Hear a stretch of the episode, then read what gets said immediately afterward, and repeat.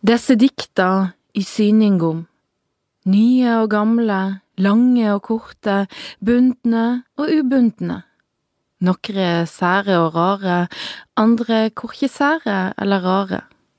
Dikt for glede og sorg, dikt fra vogge til grav, dikt for byrjing og slutt. Dikt for de store dagane, og for alle dagane mellom, de det er flest av. Størst av alt er kjærleiken, men han kan også hogge og svi, det må med. Desse dikta i syning om, de som set ord på slikt som det knapt finst ord for. Som kan varme og trøyste og få oss til å skjøne at vi ikke er heilt åleine på denne vår jord. Som ber oss gjennom gode og vonde dager. Alle disse dagane som går og går og blir til dette livet. Medan vi heile tida har dikta saman.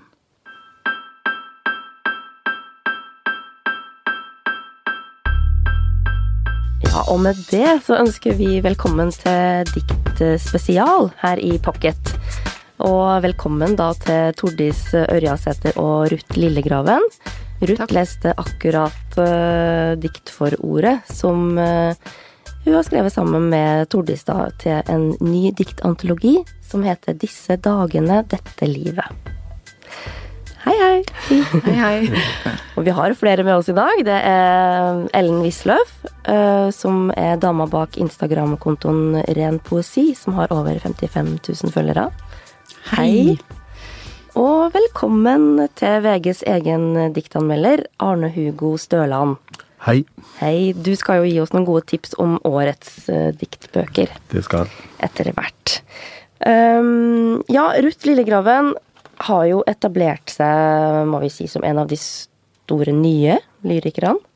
Uh, hun debuterte med Store stygge dikt i 2005. Vant Brageprisen for Urd i 2013. Og er i høst trippelaktuell med da ny diktsamling som heter Sigd. Og ei diktbok for barn som heter Jeg er, jeg er, jeg er.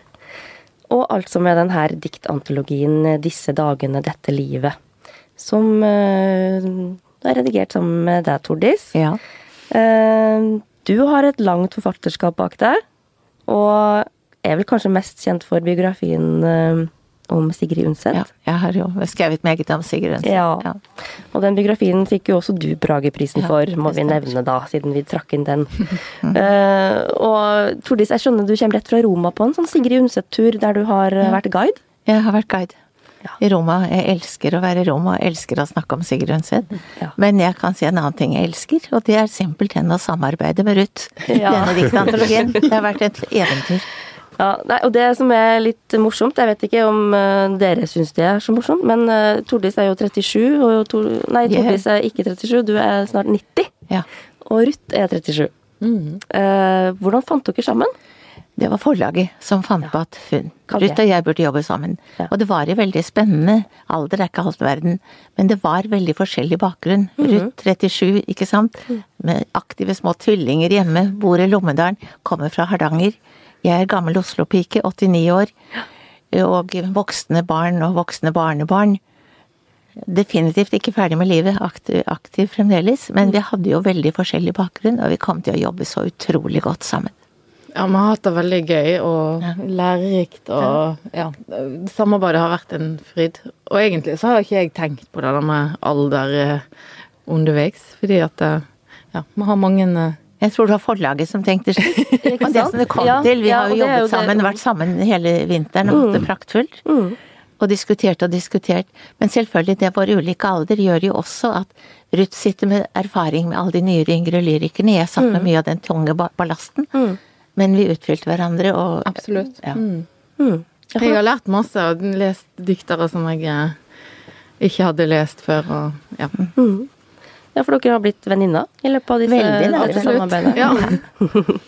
Men eh, dere har jo plukka ut eh, 150 dikt Ja. eh, sammen. Mm. Eh, hvordan har dere fått til det? Har blitt enige om 150? Er det, Ja, vi skulle gjerne fått eh, 500 eller 600. eller- Vi hadde på et tidspunkt Ja, nesten ja, ja, 500, ja. vi hadde iallfall 300-400. Men forlaget ga oss frihet til å velge tema. Ja. Og vi valgte jo veldig fort. Vi var helt samkjørt. Det skulle være fra vugge til grav. Og det laget seg da slik at det var å være barn, å være ung, forelskelse, kjærlighet, å være gammel, være foreldre og være gammel. Og så var det klokskap og midt i verden. Um, å leve i sorg. Vår egen død. Tid og slekters gang. Og det som var veldig gøy, var innen hvert tema å prøve å lage en sammenheng, slik at det ble nesten en liten novelle i hver eneste tema. Og så små ingresser i tillegg. Den delen som handler om å få barn, der begynner, begynner det med barnet inni mors liv. Og så er det små barn, og så er det større barn, og så plutselig skal de fly ut av redet. Så det, det er en sånn eksempel på en sånn Ja. fortelling som Tordis snakker om.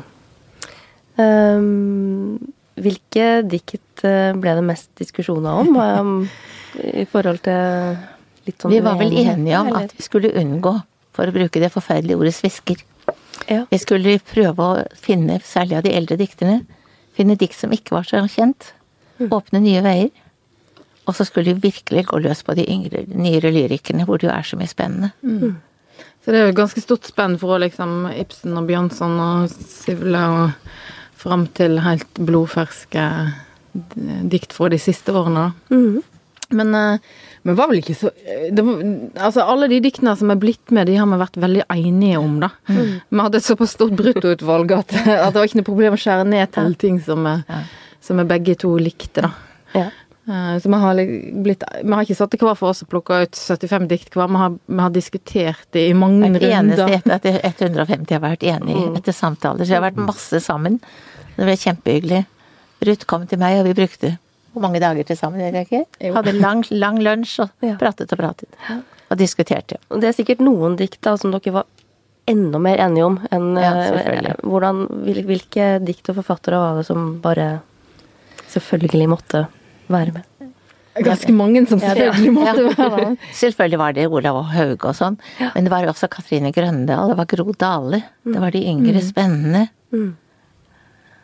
Vi var vel særlig, jeg må vel tilstå også, at en del av kvinnelyrikerne var vel særlig fram til vårt hjerte. Mm. Selv om Olav og Hauge var nær ditt hjerte, og så videre. Men Jeg husker at når jeg presenterte deg for eh, Anna Kleiva og hun Eli Fossdal Våge sine diktsamlinger, så var du, ble du veldig i fyr og flamme med en gang, for eksempel. det er noen praktfulle kvinnedikt der som er helt skjønne. Men det er bra menn- mannsdikt også, Altså. Ja. Hvis vi først skal snakke Vi har Man har prøvd å ha bredde i både målform og Ja, kjønn og Og nå har det jo vært litt ny oppmerksomhet i, igjen da, om Olav H. Hauges eh, Den har vi ikke med, for den syns vi var for kjent. Ja, den var for kjent, ikke sant? men det ble akkurat da, for å nevne det, kåra til Ja. Norges beste dikt i da den NRKs eh, Ja. poesikåring. mm. Uh, er dere enige i at det er Norges beste dikt, eller? Nei. Nei? Jeg tror jo da at uh, Norges beste dikt kanskje ikke fins, da. At, eh, Det at uh, det fins et Ja, at opplevelsen av dikt er såpass subjektiv at det blir litt vanskelig å, å kåre, da. Det er heller ikke mitt favorittdikt av Olav H. Hauge, men, men jeg er veldig glad i Olav H. Hauge. Vokste opp i nabobygda til Hans Ulvik og vokste opp med hans dikt, så jeg, det, jeg syns det var flott at det, at han ble løfta fram. Mm. Og flott at NRK satte fokus på, på dikt og poesi. Ja, de fikk jo kjempeengasjement. Um, og um, dere har jo med fire Olav H. Hauge-dikt. Ja da. Ja, det er kanskje fire. Ja, jeg, tror, jeg tror det var det. Ja. Vi hadde liksom maks fem Ja. hver enkelt dikter. ja, i forlagets omtale så kaller de det for bruksdikt. Eh, Ja, men det er det jo. Ja. Når du tenker på eksempel dette å være barn og være ung. Dette kan være aktuelle til barnedåper, til navnedager, til konfirmasjon, til bryllup. Mm. Jeg vil også si til begravelser. Dikt til det er bryllup og begravelse. Ja, ja. Hvor eh, man trenger dikt i sterke, sterke situasjoner i livet. Så trenger man dikt. dikt. Mm. Setter ord på det vi ikke greier å finne ord på selv. Jeg tror det er mange som bruker dikt til trøst, for Ja. eksempel, eller ja, finner gjenkjennelse, eller Arne Hugo, eh, må jo spørre deg om hva du syns om eh, disse 150 spesielt utvalgte diktene. Ja, de her disse dagene, dette, dette livet. Ja. Jeg, liker, jeg liker antologien veldig godt. Da. Jeg har sittet og bladra en god del i den, og det er flere ting som gjør at jeg liker den. For det første så er det et veldig klart utgangspunkt med antologien. Disse dagene og dette livet. Så inndelinga er veldig eh, klar og, eh, og eh, oversiktlig. Eh, og så er det noe med at, eh, som eh, Tordis og Ruth sier, at her er det både eldre diktere, men med litt ukjente dikt. Og så er det nye, yngre diktere som stiller sammen med de eldre. Så i sum så blir jeg jeg jeg får en ny interesse både for enkeltdiktene og for eh, forfatterskapene til en del av de eh, eh, dikterne. Så syns det ser bra ut. Ja, og så er det er liksom hele livet. Det tenkte jeg når jeg Ja. Ja. Eller det var kanskje det som var meninga, da. Jeg drev og kalte det livet, liksom. Og er liksom sånn arbeidstittel. Det var egentlig det jeg skulle si. Ja, hele livet, liksom. Ja. Um, men Arne og Hugo, du skal jo også tipse om noen av årets beste nye diktbøker. Men uh, før det, uh, ren poesi. Ja. Ehm, kanskje vi skal innlede med at uh, Ruth Lillegraven får lese et av de diktene som faktisk hun har fått med da, i den nye Ren poesi 2-boka. Ja, jeg er så heldig at jeg har med to snutter i denne fantastiske lille boka. Eh, Det ene er et dikt som heter 'Hjertet mitt', og som er fra, fra den barnediktboken som jeg nå har gitt ut. Bare vent. Langt inn i skogen, den mørkeste grønne. Der finner du mitt vesle hjerte. Det som klyv i trea, stuper kråke mellom røttene, legg seg til å symje i mosehav og skogstjernesjø. Jeg er, jeg er, jeg er, syng det vesle hjertet. Mm, takk for det, Ruth. Um, ja, den første ren poesiboka er altså den diktboka som har solgt desidert mest, både i fjor og i år. Eh, opplaget er nå på he- utrolige 33 000. Og da må vi jo nevne for folk at et standard diktopplag vanligvis er på 1500, eller noe sånt. 1700. Eh, og det er vel ikke alle som selger ut det. Eh, ren poesi starta med en tilfeldighet. Eh, KK-redaktør Ellen Wisløfta hadde akkurat eh, gått gjennom et samlivsbrudd. Hun kjente på tidsklemma med jobb og barn og alt som hører til, og var litt sånn orka egentlig ikke så mye. Men eh, så la du altså ut et dikt på Instagram, og der traff du nå, Ellen. Ja, jeg begynte med å uh, legge ut dikt på min egen Instagram-konto. Da var jeg, det tror jeg ikke har noe direkte med samlivsbrudd eller at jeg var alene da å gjøre, men um, noe som kanskje er, eller gjelder for mange nå, det, både at vi, alt rundt oss er så fragmentert, øh, det er så hektisk liv vi lever, øh, og jeg selv Um, som alltid har lest veldig mye bøker, klarte ikke å få ro rundt det. Jeg klarte ikke engang å se en episode av Wallander, liksom. Jeg var innmari sliten og rastløs. Men dikt ble noe jeg kunne lese en liten porsjon av, og så holdt kanskje det, og så ga det meg veldig mye. Og for meg, som Ruth sa i stad, så har dikt vært veldig mye trøst, uh, og viktig i at de gir gjenkjennelse i alt mitt stusslige som jeg tror gjelder alle mennesker. Eh, ensomhet, eh, sorg, eh, føle meg liten, og så at diktene treffer på forskjellige måter der. Så la jeg ut et dikt på min egen Instagram-konto som mange likte. Eh, gjorde det igjen, og så begynte jeg å tenke Eller jeg søkte litt, og da var det ikke noen sånne kontoer jeg kunne finne noe tilsvarende av. Tenkte jeg en kveld at jeg lager en anonym konto. eh, hvor jeg deler dikt jeg liker. Um, jeg har um, jeg har ikke noe Det var veldig deilig at det var et helt sånn prestasjonsfritt område, fordi så mye annet i livet um, er preget av prestasjon. At jeg var helt anonym, at jeg kunne være hvem som helst.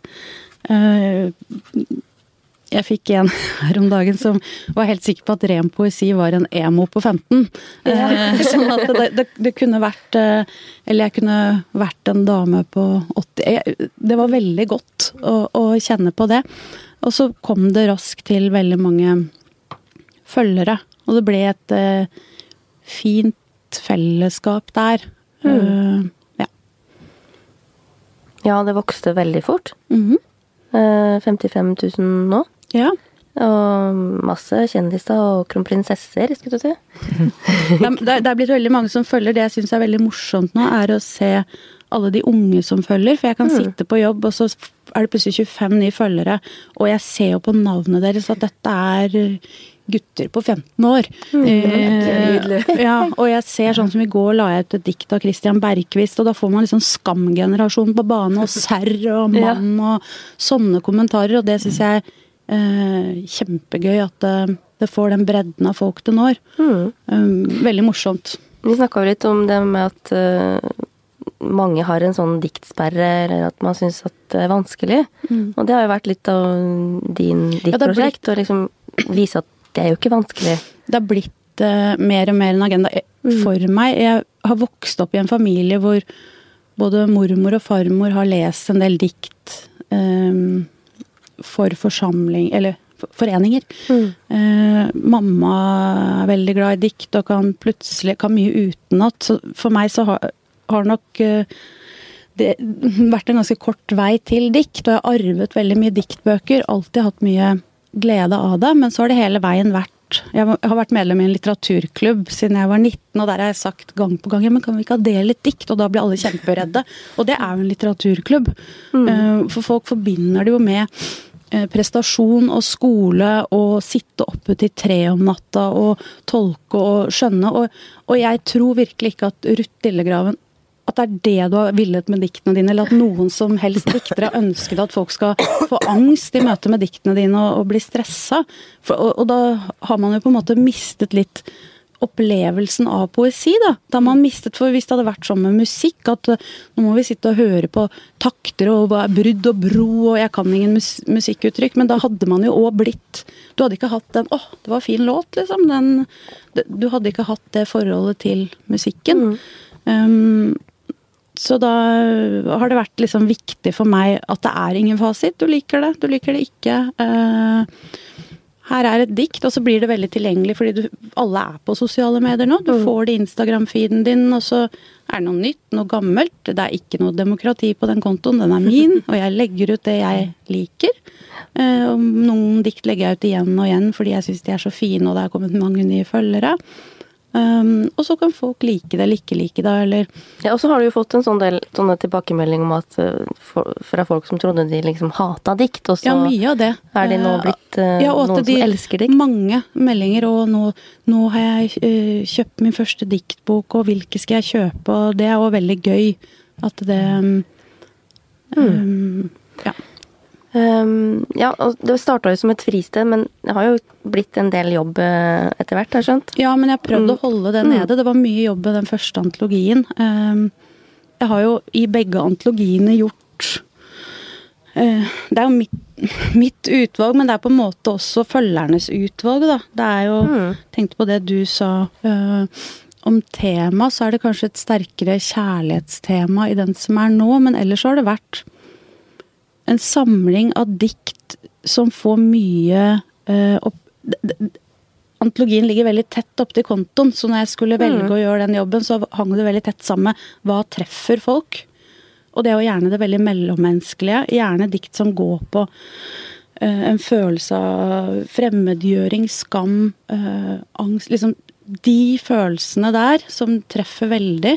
Um, og så var det å uh, velge ut ut fra det, pluss noen jeg måtte ha med i tillegg.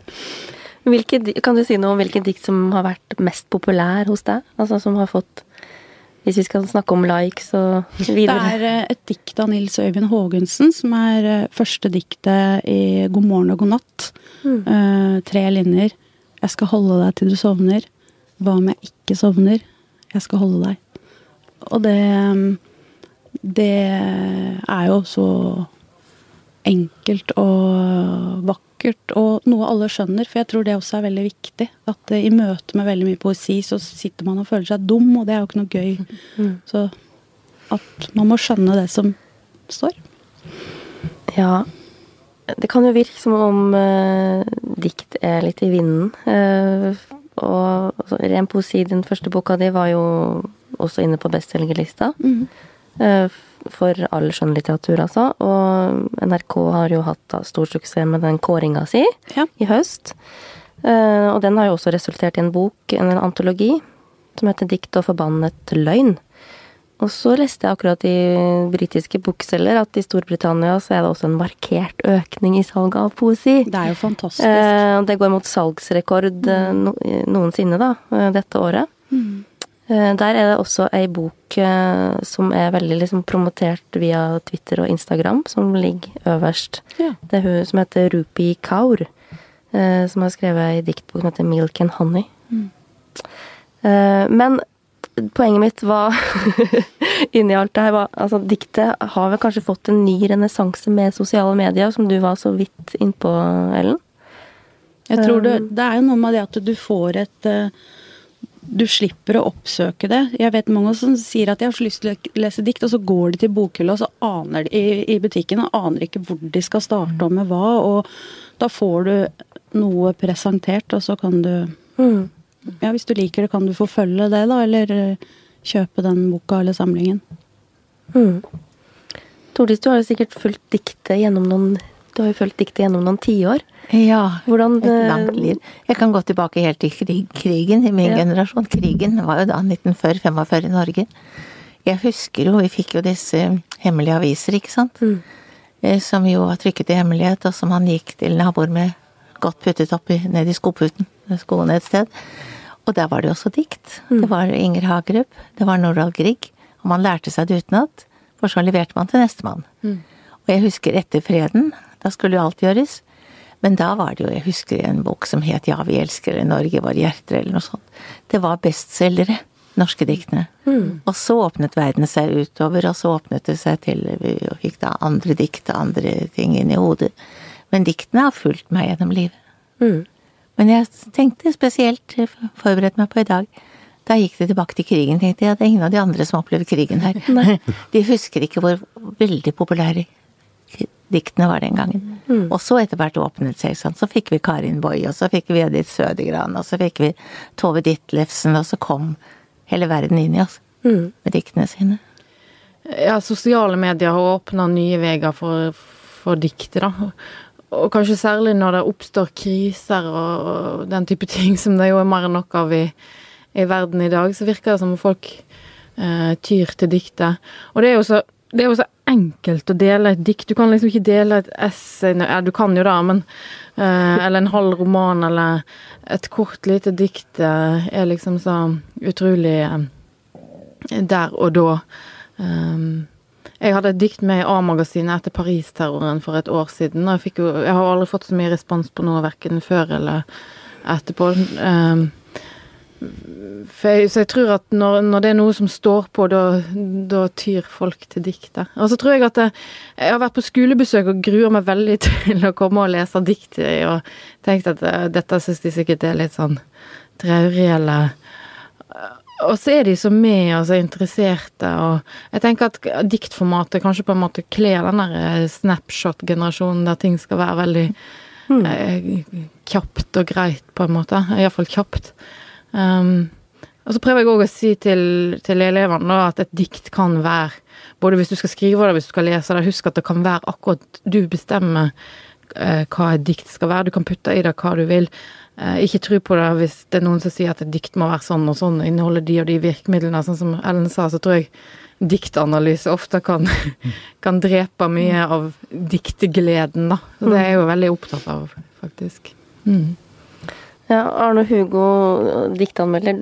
Kanskje du skal starte en sånn eh, diktanalyse på sosiale medier? også? Jeg vet ikke om det ville vært så, eh, så gunstig, da, men eh, bare for å følge på det siste som ble sagt her. altså Når man er forfatter ute på, på turné ute på skolene, så ser man jo at det er faktisk eh, en stor interesse for dikt og for diktskriving når de først får demontert noe av det de opplever som skummelt og farlig og vanskelig i forhold til diktet og diktets uttrykk. da. Så eh, det er ganske befriende og eh, ganske sterkt å oppleve at eh, ungdom på altså 14-15 eh, år umiddelbart, bare hvis man begynner å trykke på noen få knapper, kan komme opp med flotte, fine dikt. Og at de etterpå også, kanskje når de får anledning til å lese det opp sjøl, også opplever en ny stolthet i forhold til at de mestrer skulle si norskfaget, eller altså eh, det skriftlige uttrykket på en, på en annen måte. Så jeg tror at eh, det arbeidet forfattere gjør ute på eh, besøk på, i skolene, er veldig viktig. Også i, nå i den tida vi, vi, eh, vi lever i, som en, en eh, murbrekker og døråpner i forhold til eh, diktet som, som sjanger. Ja, så, så er det jo noe med det at man, hvis man søndag morgen litt sånn sliten åpner Facebook, og så bare får et dikt midt i fleisen, så treffer det deg så Dette treffer på en måte så umiddelbart. Eh, fordi et dikt kan jo gi så utrolig mye på så kort tid. Og så er det så lett å dele det videre da. Eh, Ja, absolutt. Jeg tenker jo eh, tilbake på eh, 80-tallet, da eh, stuntpoetene eh, herja. Og da var det vel også en av de, tror jeg, som sa en gang at uh, poesien er språkets Formel 1. Jeg liker raske biler. Ja. Og diktet er jo den raskeste bilen i stallen, på en måte. ikke sant? Eh, Du eh, starter, og du er ferdig i løpet av ofte en veldig kort tid. Det finnes jo lengre dikt, men det går an å lage et kjempeflott dikt bare på tre korte linjer. ikke sant? Så det er en kjapp og hurtig måte å, å eh, meddele seg på, som mange kan ta umiddelbart. Eh, ja, Ruth, altså, du har jo sikkert opplevd et uh, ganske Altså, du har blitt delt på kontoen til Ellen også. Eh, merker du det? Hvordan Eller på noen måte? At det på en måte spres utover? Ja, jeg merker jo da sånn rent konkret på Instagram at en får eh, nye følgere og sånne ting. Men, eh, men det er veldig godt for en lyriker som av og til kan tenke at det er ingen der ute som egentlig leser meg, liksom. Sjøl jeg som har fått ganske mye oppmerksomhet, så, så tenker jeg ofte da og så plutselig legger Ellen ut et dikt, og så får det 3000 likes. Det, det er bra for, eh, for følelsen av å ha lesere der ute. Mm. Ja, for jeg har hørt at du også, Ellen, du får veldig mange diktsamlinger tilsendt fra forfattere som skal ut med bøker. Mm. Så de fra- håper at du ville dele de, da? Mm, Ja, de gjør nok det, da, siden de sender det. Det er det samme som sender til anmeldere. Uh, ja, jeg gjør det. Og så får jeg veldig mye um, fra folk eh, som sitter hjemme og skriver og ikke har gitt ut noe før. Um, men der er jeg ganske streng på at jeg har ikke den kunnskapen. Jeg skal ikke Jeg, jeg kan ikke um, mene noe om dette du har skrevet. Det sånn, ja. mm. Men det blir en del av det. Og så igjen Nei, Det er ikke noe demokrati. Det er mange som sender inn, og så kan jeg få litt sånn kjeftemeldinger. 'Når skal dere legge ut mitt dikt? Nå er det lenge siden jeg har Og så er det sånn, det er ikke noe vi, det er meg. Og jeg gjør som jeg vil. Nei, men det er en veldig personlig konto som følger litt mitt også liv og mine dager, og det kan være alt fra eh, noe som har skjedd der ute i verden, til noe som har skjedd inni meg. Det er i hvert fall veldig, Mm. veldig personlig konto. Ja, og både disse dagene, dette livet og da Ren poesi 2 er jo ute nå. Um, men uh, dette året så har det jo kommet mye ny lyrikk, eh, og Arne Hugo, hvis du skal trekke fram noen gode tips til oss om hva nye titler som folk bør eh, sjekke ut? Ja, det har vært et vanskelig prosjekt det, Camilla. Jeg fikk eh, eh, lov til å velge ut fem stykker, og jeg syns generelt at det har vært et godt poesiår. Eh, Mange fine eh, samlinger, eh, etablerte poeter som fortsetter sine forfatterskap, og relativt nye forfatterskap som blir, blir utvikla. Men jeg har jo prøvd å være flink her og holde meg til de, meg til de fem. Da. Så den første jeg vil si noe om, det er den nye diktsamlinga av året til Helge Torvund, som heter Alt brenner. Den eh, er imponerende. Det er en stor og omfattende og usedvanlig rik eh, diktsamling. Altså, kanskje den rikeste Torve noensinne har skrevet, og det sier ikke så mye, da han har holdt på nå i snart eh, 30 år. Og eh, Alt brenner, ja, da tenker jeg at det er en god tittel. Altså, det, hva det er som brenner her? Så Det er på en måte livsflammen, og det er kjærlighetsflammen. Så det, er Kjærligheten til ordene, eh, til språket, eh, til diktet, til skriveprosessen eh, og til naturens mangfold. Det er mange sterke, flotte tekster som man også varierer rent i form. Så det blir aldri kjedelig å lese dette her. Men det er også en sånn, tenker jeg, i forhold til det som brenner, det er også noe sånn fortærende ild. Altså på en måte en påminnelse om at uh, livet ikke varer evig. Et slags sånn memento mori, som romerne sa, husk at du skal dø, altså. Uh, Deriblant uh, et sterkt personlig langdikt, altså, som han beskriver, der han beskriver en alvorlig diagnose han, han, har fått, og måten han bearbeider det på, måten han takler det på. Og det er veldig sterkt, og det er veldig godt eh, beskrevet. Men i sum så opplever jeg det som en eh, kraftig og livsbejaende diktsamling. Mm. Neste jeg vil trekke frem, det er Stein Versto sin siste, som heter 'Så nær kan du sjå meg'. Og Her er vi inne i et eh, litt annet poetisk landskap. Det her er søkende, lysende, meditative dikt, som bl.a. handler om at det finnes en indre vei. Vi kan vende oss innover i oss sjøl, at lyskilden er i vårt eget eh, indre, men den må bare oppdages. Og her blir diktene veivisere inn til en form for indre uh, lyskilde, uh, opplever jeg i lesninga. Uh, Versto bruker Bibelen og også eh, kristen eh, mystikk både skjult og åpenbart som referanse her. Eh, men utgangspunktet er likevel ofte utrolig hverdagslige situasjoner og observasjoner. Altså. Det kan dreie seg om eh, en ballong i en park, eh, sola som plutselig bryter gjennom trekronene, gammelt bilde av mora. Men fra det konkrete da, så går han videre inn og viser til hvordan det her kan på en måte internaliseres hos leseren og bli til noe, en, en indre prosess. Mm. Så det er sjelden vakker diktsamling, og uh, sjelden innsikt, som den diktsamlinga her uh, representerer. Jeg vil nesten si det er nesten en katedral av en diktsamling. Altså. Jeg liker den veldig godt. Så det er det er versto. Den neste uh, som jeg har trukket frem, er Dan Andersen, 'Flaggtale'. Det er vel en av de uh, diktsamlingene som har blitt highlighta mest i år. Ikke uten grunn. Det er vel fortjent. Man kan si her at det endelig er en diktsamling som på en måte tar noe av den norske samtidsvirkeligheten innover seg. Og som diskuterer norske væremåten, norske tenkemåten, norske måten å forholde seg til idealer eh, på. Teori og praksis.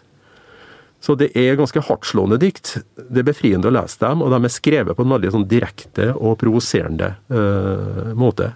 Uh, av og til får man bakoversveis, og av og til så ler man ganske sånn uhemmet. Uh, diktereiet her det er en ung familiefar som forsøker å komme til rette med seg sjøl og livet sitt. da.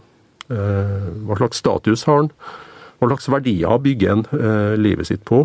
Og hvordan ser de verdiene ut i det samfunnet som omgir han?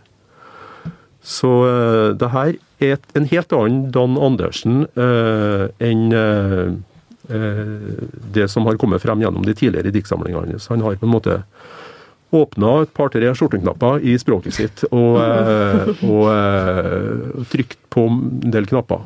Det bare drøner ut. Det er flott gjort, syns jeg. Den fjerde jeg vil si noe om, det er Sara Selmer sin siste diktsamling. Kanskje ikke mest kjente navnet, men alltid ei en lyriker som har gått sine egne veier. Det er den fjerde diktsamlinga på 16 år, nyere til år. Den heter 20. Og Det er det som rent ytre sett der da beskrives det er et sykdomsforløp over 20 uker. Det er en psykisk sykdom som utvikler seg. Og det her diktereiet da er på eh, institusjonalisert, på, altså eh, er på institusjon. Hun blir observert og medisinert, behandla men samtidig så beskriver hun sin egen situasjon. Øh, og hvordan hennes på en måte realitetssans øh, krakelerer. Uh, og det blir gjort på en utrolig flott poetisk måte. Så det her er ikke noe institusjonssamling i vanlig forstand. Så det heller er altså Diktene her de drøfter veldig mange ulike ting. altså Forholdet mellom ulike måter å se på virkeligheten på og eh, forholdet mellom man kunne si teknologi og humanitet, og forholdet mellom vitenskapsspråk og diktet, eller poesien. Eh, så resultatet her, det blir altså paradoksalt nok, eh, så blir det dikt som gjennom uttrykket sitt eh, blir uttrykk for en sånn kreativitet, sånn billedskapende evne, som går utapå de her vanlige begrepene om normalitet, galskap og alt det her. Altså det er på en måte kreativiteten som seirer her. Uh, jeg syns det er utrolig spennende uh, mm. diktsamling. Uh, og den siste jeg har trukket frem, det er Ruth Lillegravens siste, Sigd. Som jeg syns fortsetter det fine og spennende arbeidet med å utforske den poetiske fortellinga i diktform. Det er det uh, Ruth Lillegraven har gjort med uh, ikke minst de to siste uh, poesiutgivelsene sine, uh, Manilahallen og, og Urd.